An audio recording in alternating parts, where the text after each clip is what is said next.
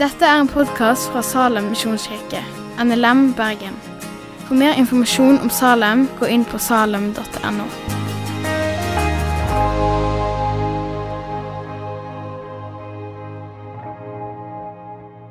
Som dere ser, så holder vi på å gå gjennom Markus-evangeliet i Salem. Vi har Kristians yndlingsbok, Kristian Lilleheim sin yndlingsbok. En som heter Timothy Keller har skrevet en bok som heter 'Jesus the King'. Den kan du kjøpe. Den går gjennom Markus-evangeliet. Så for dere som vil gå litt dypere inn i Markus-evangeliet, så har vi en del eksempler bak på standen som vi ikke tjener penger på, men som du kan ta med hjem og lese i dag. Så det var det. I går så spurte jeg studentene og de unge voksne om noen hadde aksjer eller fond. Det var rystende få. Men mange hadde hørt om BSU. Mange har hørt om BSU. Men jeg tenker at i dag er det noen her inne som har hørt om fond og investert i fond eller aksjer. Det var bra. Ja, noen. Jeg kan ikke så mye om det, men jeg har i løpet av sommeren lært meg litt mer og mer at det, historisk sett så er det lur investering. Og I går så hadde jeg litt mer eh, mandat til å kunne liksom lære dem om det. I dag er det litt mer sånn, jeg sjekker om det er riktig. Men det jeg har lært forskjellen på fond og aksjer, er at aksjer det investerer du i ett selskap, og kanskje investerer du i flere selskaper i håp om å gi avkastning. Men fond da investeres det i mange aksjer innenfor et område. Innenfor kanskje bolig, innenfor olje. I håp om at noe kan gi avkastning. Litt av clouet er at du, du, strør litt om deg.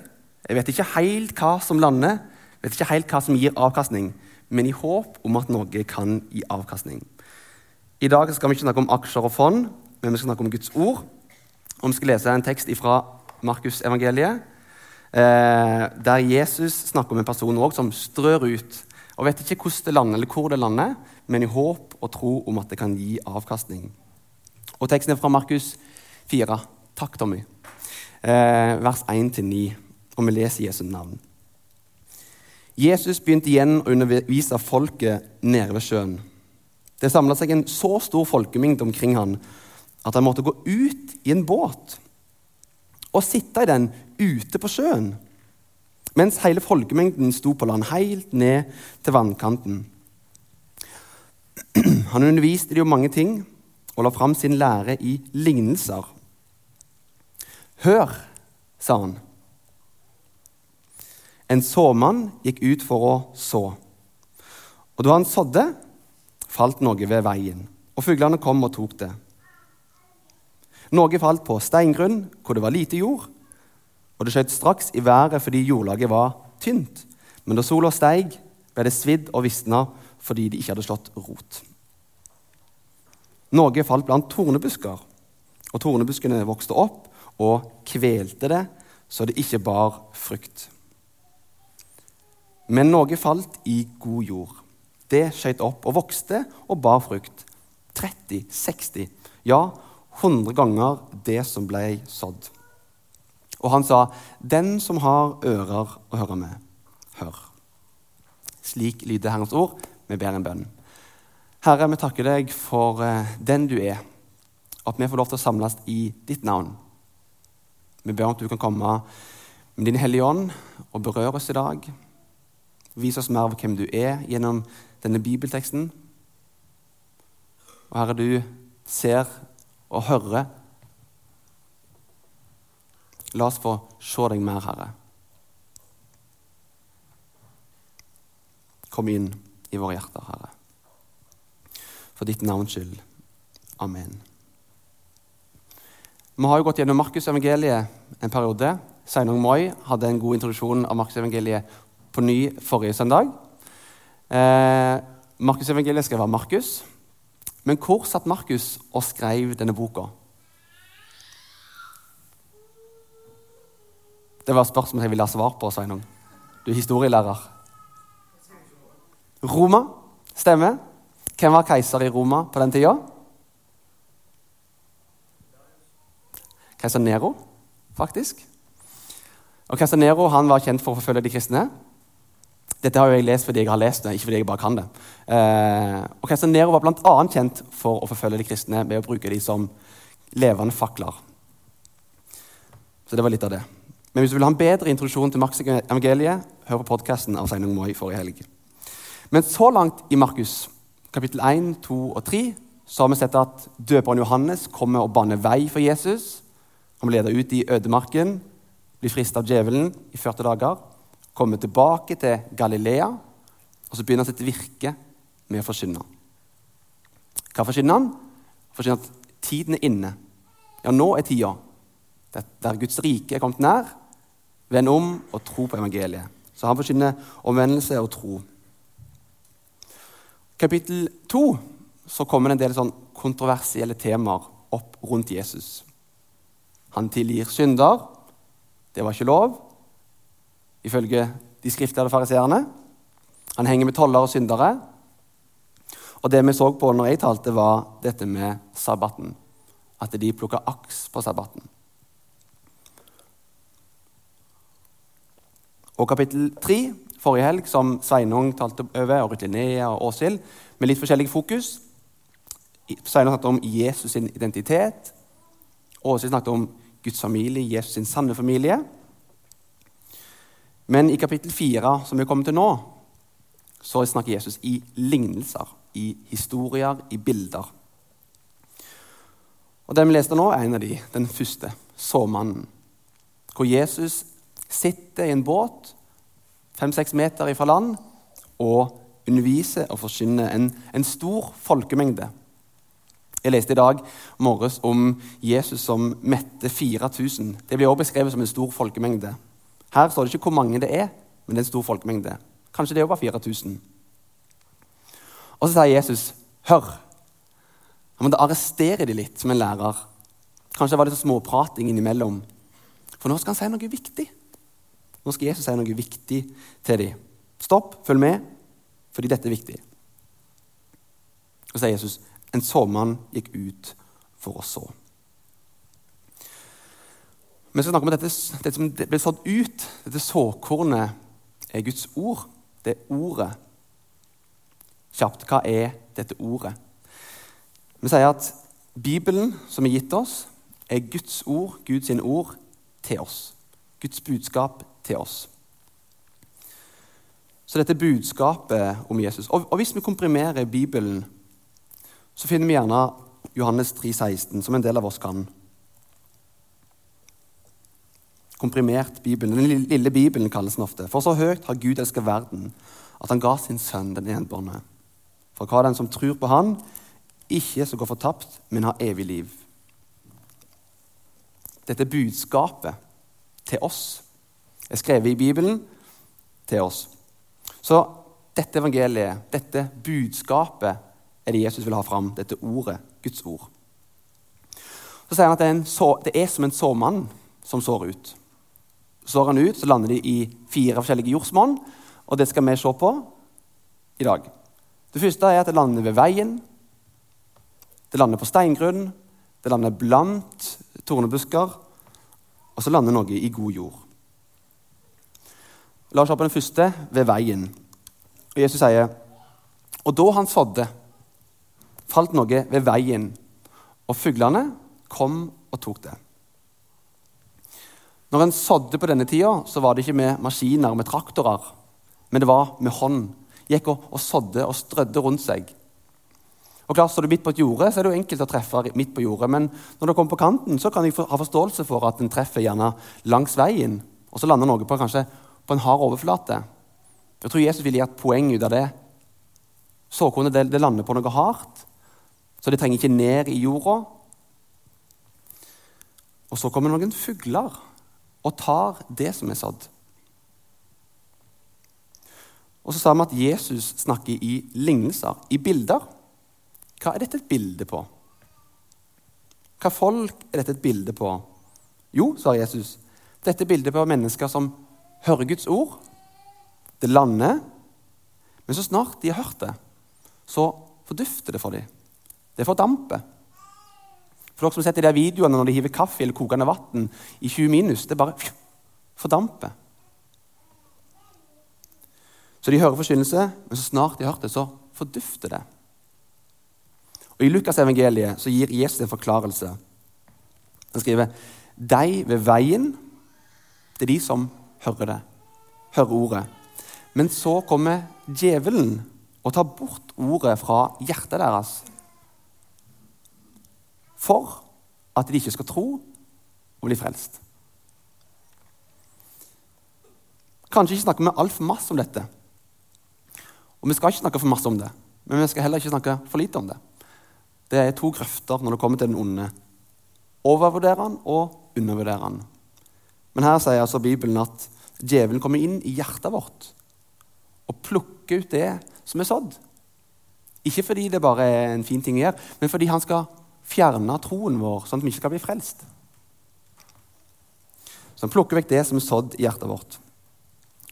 Og er ikke dette ganske typisk for oss? Vi bombarderes av inntrykk fra morgen til kveld. Vi har en telefon som er med oss hele veien.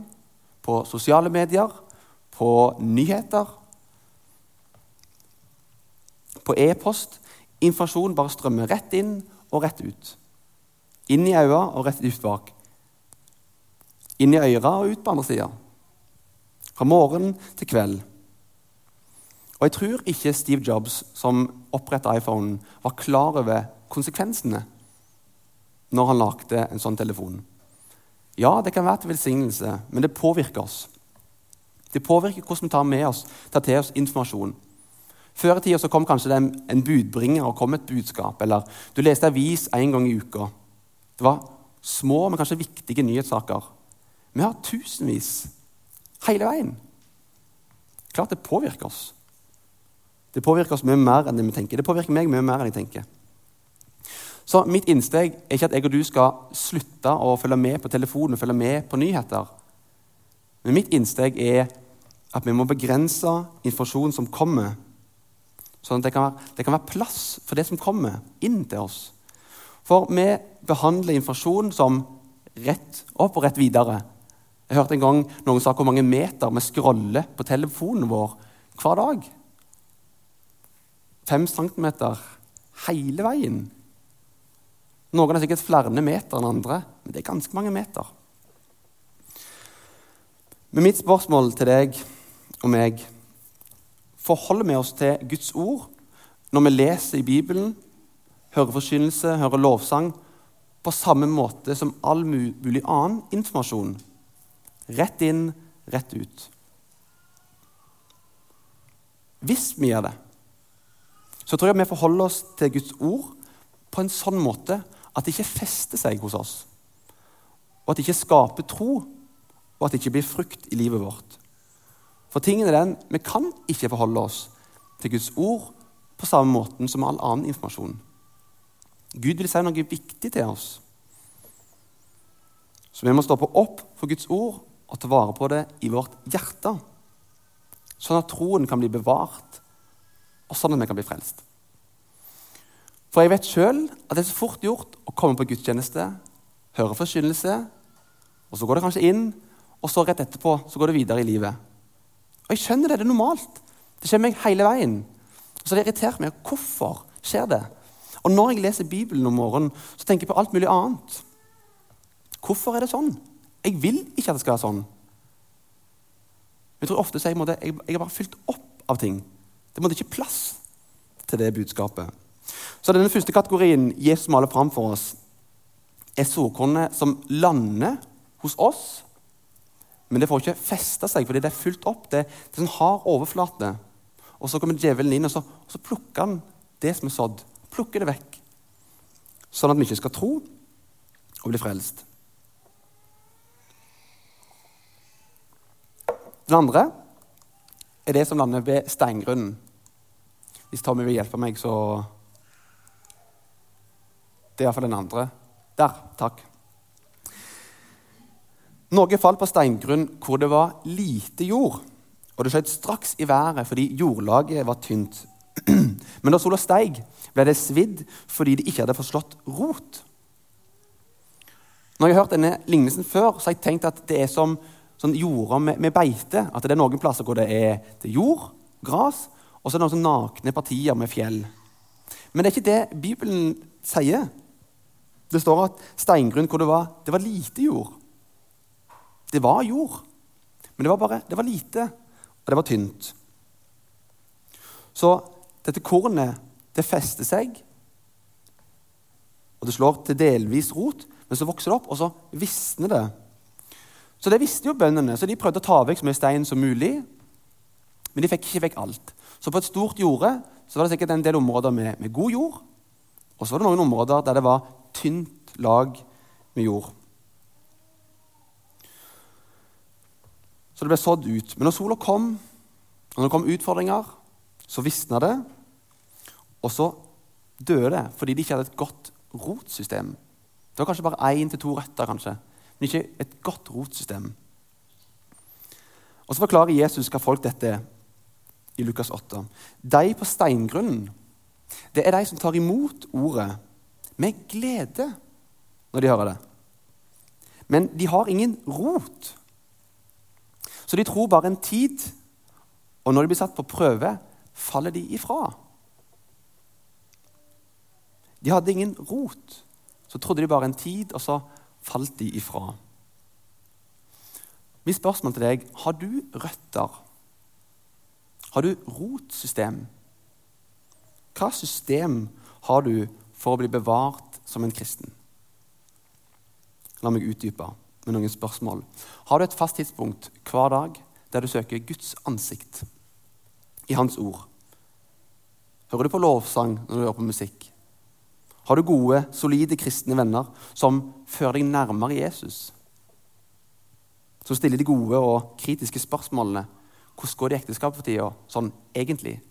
Hvordan går det med livet til deg og Gud, sånn egentlig? Eller har du en sjelesørger som du går til ved jevne mellomrom, som du kan bekjenne synd for. Sjelesørger har vi i Salem. Hvis du ønsker det, ta gjerne kontakt med meg, så finner vi en sjelesørger.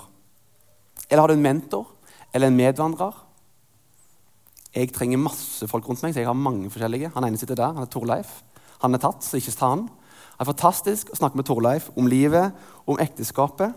Ønsker du det, ta kontakt. Har du god smågruppe, som er en sånn oase for deg, hvor du kan komme ned på bakkenivå i uka med hektiske ting.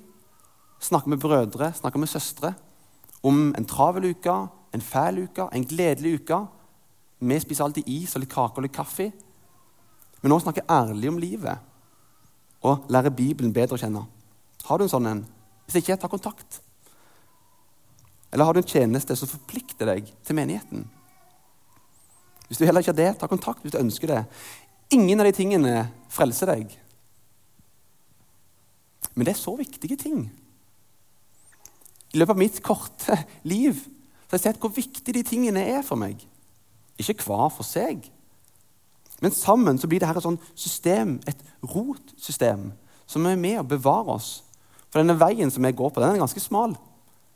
Og Jeg er ingen profet som kan se inn i framtida, men det ser ikke ut som det blir så veldig mye bredere i framtida heller. Men denne veien leder oss hjem til der vi skal, til himmelen. For her vi er nå, er bare en gjennomreise på der vi egentlig skal. Så de tingene her, det gode ting, det frelser deg ikke. Det er det bare Jesu verk på Golgata som gjør. Men det er et system som er med å, å bevare deg. Et rotsystem for røttene dine. Jeg var velsigna med en klok og en god ungdomsleder. Shout out til Elisa hvis du hører på. Etter jeg ble 18, så var jeg på GF i 2015. Noen har hørt meg fortelle det før. Det har blitt et stort vendepunkt for meg. Spør meg etterpå hvorfor det ble det. hvis du vil det. Jeg begynte å ta troa mi litt mer seriøst, og jeg og en kamerat vi gikk rundt på alle møter.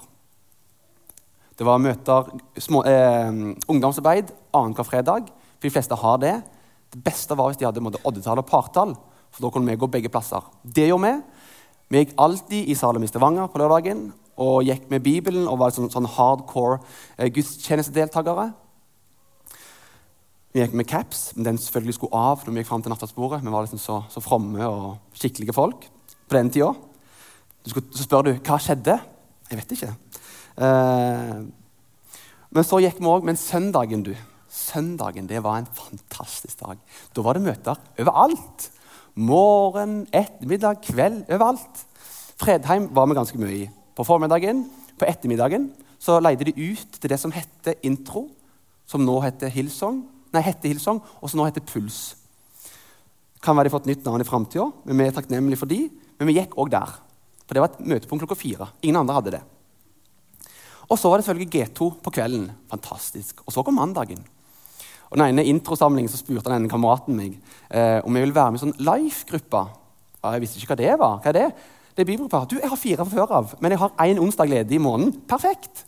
Så jeg ble med på ei Life-gruppe òg, som min fjerde bibelgruppe den perioden. Og så kommer min ungdomsleder Elisa til meg. 'Gjermund, hvor gror du røttene dine?' Altså, hva er det? Snakk norsk. Så snakket du, ja, Hvor er det du måtte hente næring ifra? Hvor er ditt, ditt hjem? Åndelige hjem? Og Så begynte jeg å forstå litt mer hva hun tenkte på.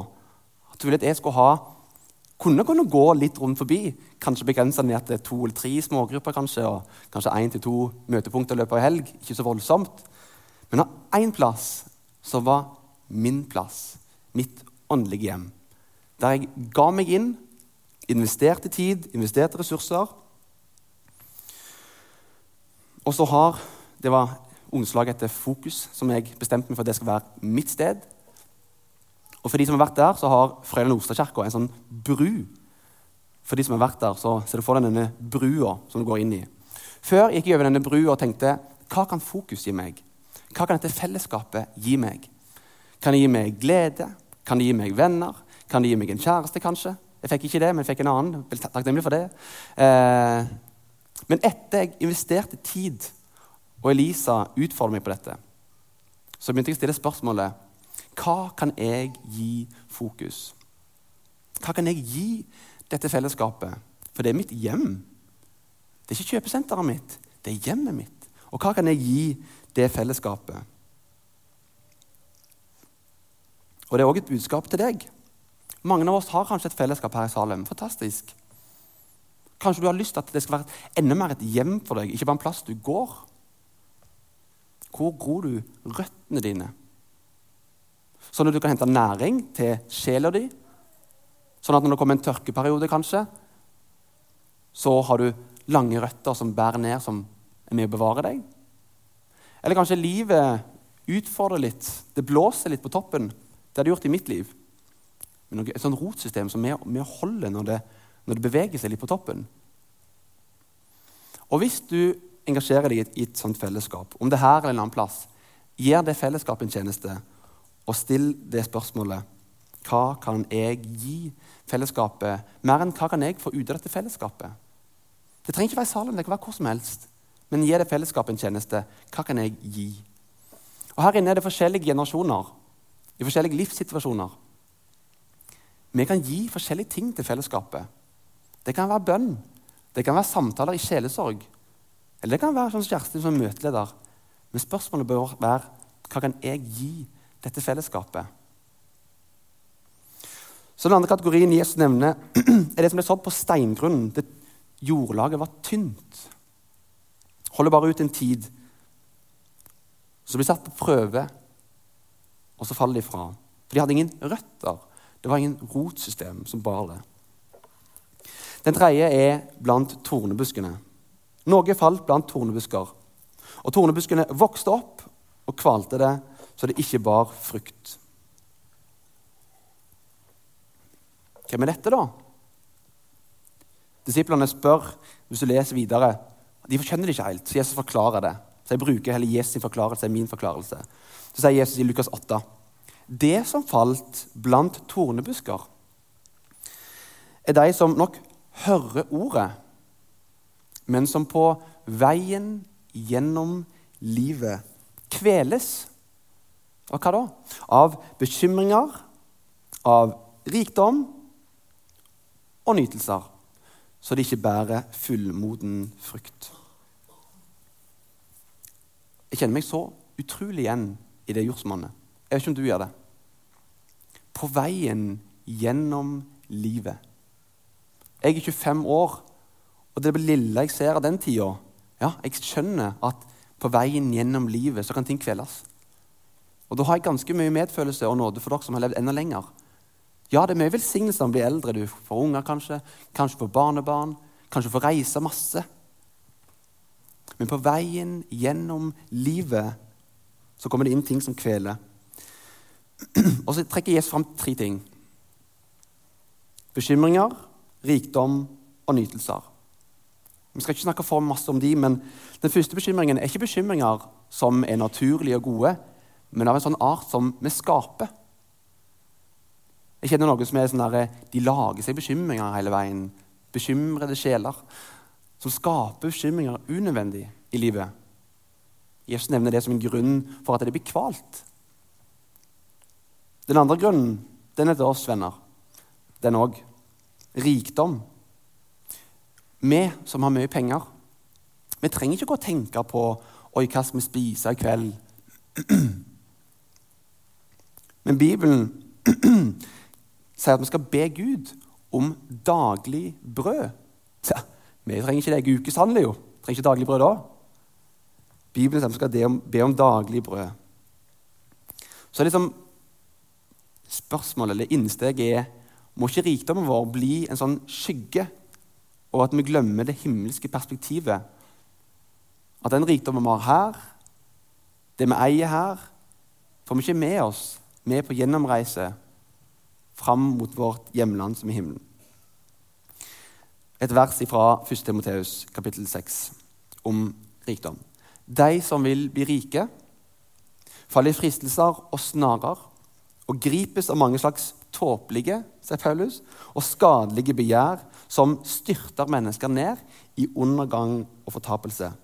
For kjærligheten til penger er roten til noe ondt. Nei, alt ondt. Og drevet av den, drevet av lysten til penger, er mange ført vill, bort fra troen og påført seg mange lidelser. Dette advarer Jesus òg imot. Og Det siste er nytelser. Jeg skal ikke ta for mye om det, men det er òg nytelser. Hva kan jeg få? Dette er behagelig for meg. Hva er dine nytelser? Jeg kjenner en del av mine. Hva er dine nytelser? Og Her tror jeg vi er i faresonen, mange av oss. Dette jordsmonnet her.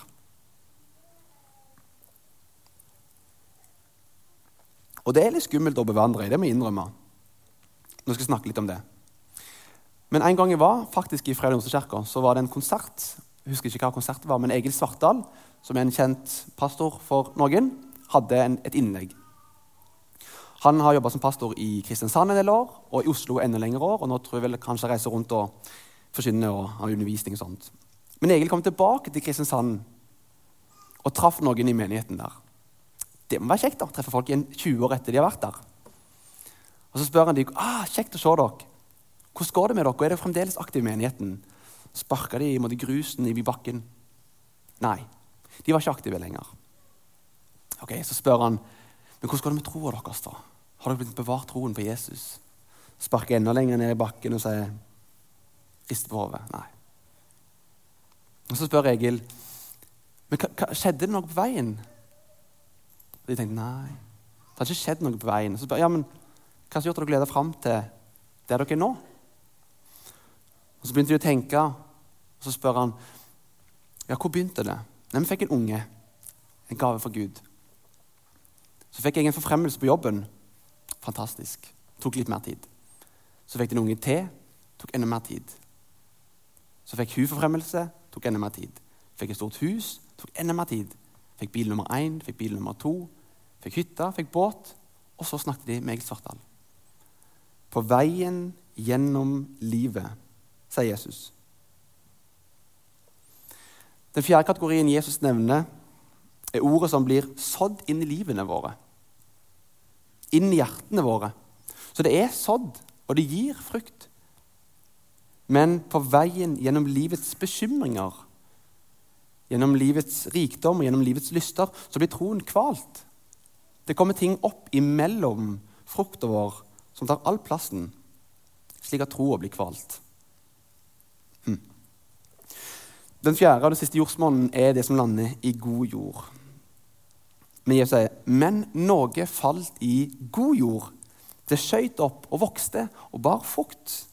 30, 60, ja 100 ganger det som ble sådd. Så Norge Dette var ikke en elendig bonde. altså Det handler ikke bare i plasser hvor det ikke er frukt. Men det lander òg en plass i god jord. Og det er de som hører Guds ord, tar vare på det, griper fast på det i sitt hjerte. Og Jesus forklarer men de som ble sådd i den gode jord, er de som hører ordet, tar imot det og bærer frukt. Hva tilhørere er dette? Dette er tilhørere som ser at de er helt avhengig av en frelser. De trenger å høre at Gud han tilgir for Jesus skyld. Så disse folka tar, tar, vare på det budskapet, det ordet, i sitt hjerte. Så ut fra den definisjonen er meg og deg god jord. Har du bruk for de gode nyhetene om Jesus? Trenger du å høre at Gud han tilgir alle syndene dine for Jesus skyld? Ja, da er det god jord, sier Bibelen. For når Bibelens ord, Guds ord til oss, blir alvorlig for oss, som gjør at vi må løfte blikket på Jesus, og i nøden griper budskapet, holder fast på det, ja, som en god jord. Jeg har ikke jobb på båt, men jeg har forstått det at når du jobber på båt, så er det farlig å dette ut i sjøen. Kroppstemperaturen synker rasende fort, og det er farlig. Så når først noen har falt over om bord, så handler det om timer for å få berga dem.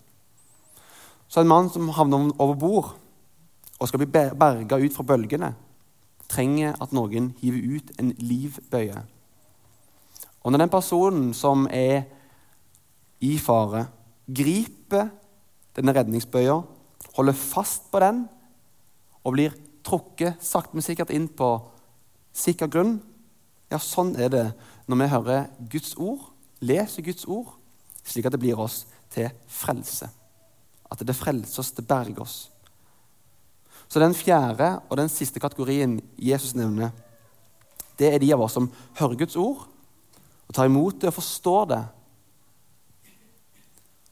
Det er oss som virkelig trenger og kjenner at vi trenger Jesus. Jeg vet jeg trenger.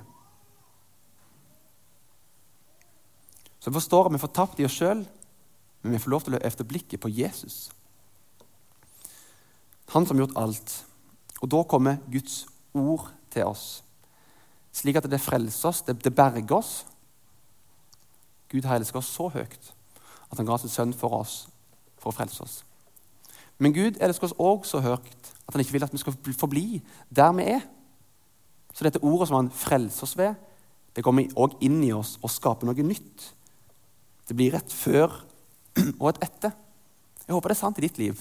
At det er et før og et etter. Og at ikke frelsen bare blir en himmelbillett som du stapper i baklommen, setter på bakerste benk og bare cruiser med inn til alderdommen kommer, og så skal du hjem til himmelen. Evangeliet som er mer enn en himmelbillett. Det er òg livet her og nå. Jeg hadde litt lyst til å slutte med at Jesus snakker om en så mann som sår ut. Og når Jesus sitter på denne båten og underviser, ja, så sår han ut Guds ord. Han vet ikke nødvendigvis hvem alle han er der og da, men han sår ut. Og vi òg er kalt til å være sånne såmenn. Til å så ut evangeliet, de gode nyhetene om Jesus og det han har gjort i livet vårt. Såkorna blir sådd inn i mitt liv. Og ved Guds nåde så har livet mitt aldri blitt det samme. De av oss som har fått dette såkornet sådd i, og livet vårt ble et annet, vi har fått fred. Vi er fredens folk.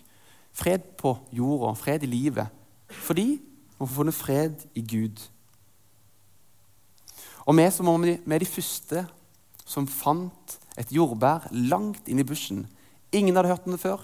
Ingen hadde smakt det. Vi smaker det og kjenner at dette var fantastisk. Tenk at ingen har hørt om dette før. Ingen har smakt denne smaken før.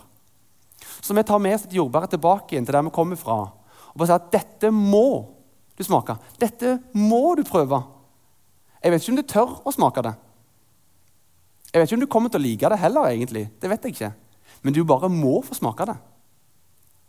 Det har endra livet mitt, Du må smake det. For dere, meg, dere som kjenner meg godt Jeg er ingen superevangelist på ingen slags måte. Men jeg har en ambisjon om at de jeg møter, skal få lov til å se litt av den Jesus er i mitt liv.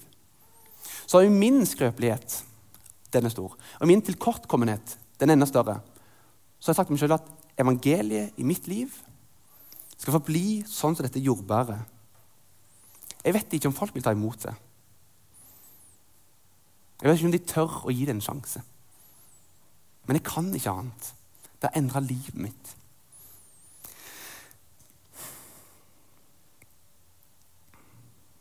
Så mitt oppdrag og ditt oppdrag det er å så ut dette budskapet. Ikke sånn mekanisk skrive det på en to do-liste. Husk å vitne om Jesus hver gang du treffer den og den. Nei, organisk. Det bare skjer av seg sjøl. Jeg kan ikke noe annet. Snakk med noen som er engasjert i en sak. Du kan snakke en time med den personen om den saken. Det hjertet er fullt av, flyter òg munnen over av. Så vi skal få lov til å så dette. Jeg vet ikke Hvordan evangeliet kan være et bilde for deg. For meg er dette jordbær veldig sånn konkret. Jeg elsker jordbær, særlig med eh, vaniljesaus. Men vi skal så ut. Kanskje noen vanner. Takk og lov at vi ikke skal gi veksten. Det er Gud som gir veksten.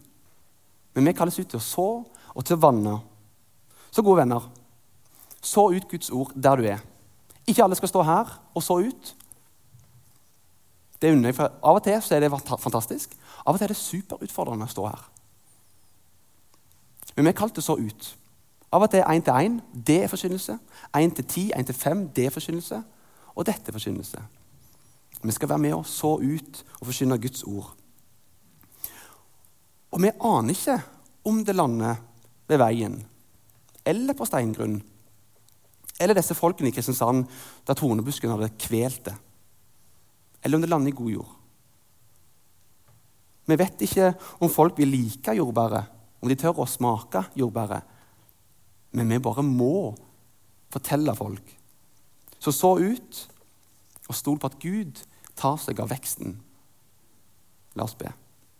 Gode himmelske Far, takk for at du er den du er. Takk deg at evangeliet får lov til å slå rot i oss på en sånn måte at livet vårt aldri blir det samme. Og Herre, du ser og kjenner de som kanskje ikke føler det, som hører på nå. Herre, vi ber om at ditt ord i kraft og i sannhet kan komme inn i livene deres og skape den endringen.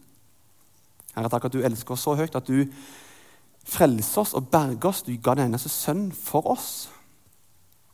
Men du elsker oss òg så høyt at du ikke vil at vi skal bare være der vi er. Men du skaper et nytt liv i oss, Herre.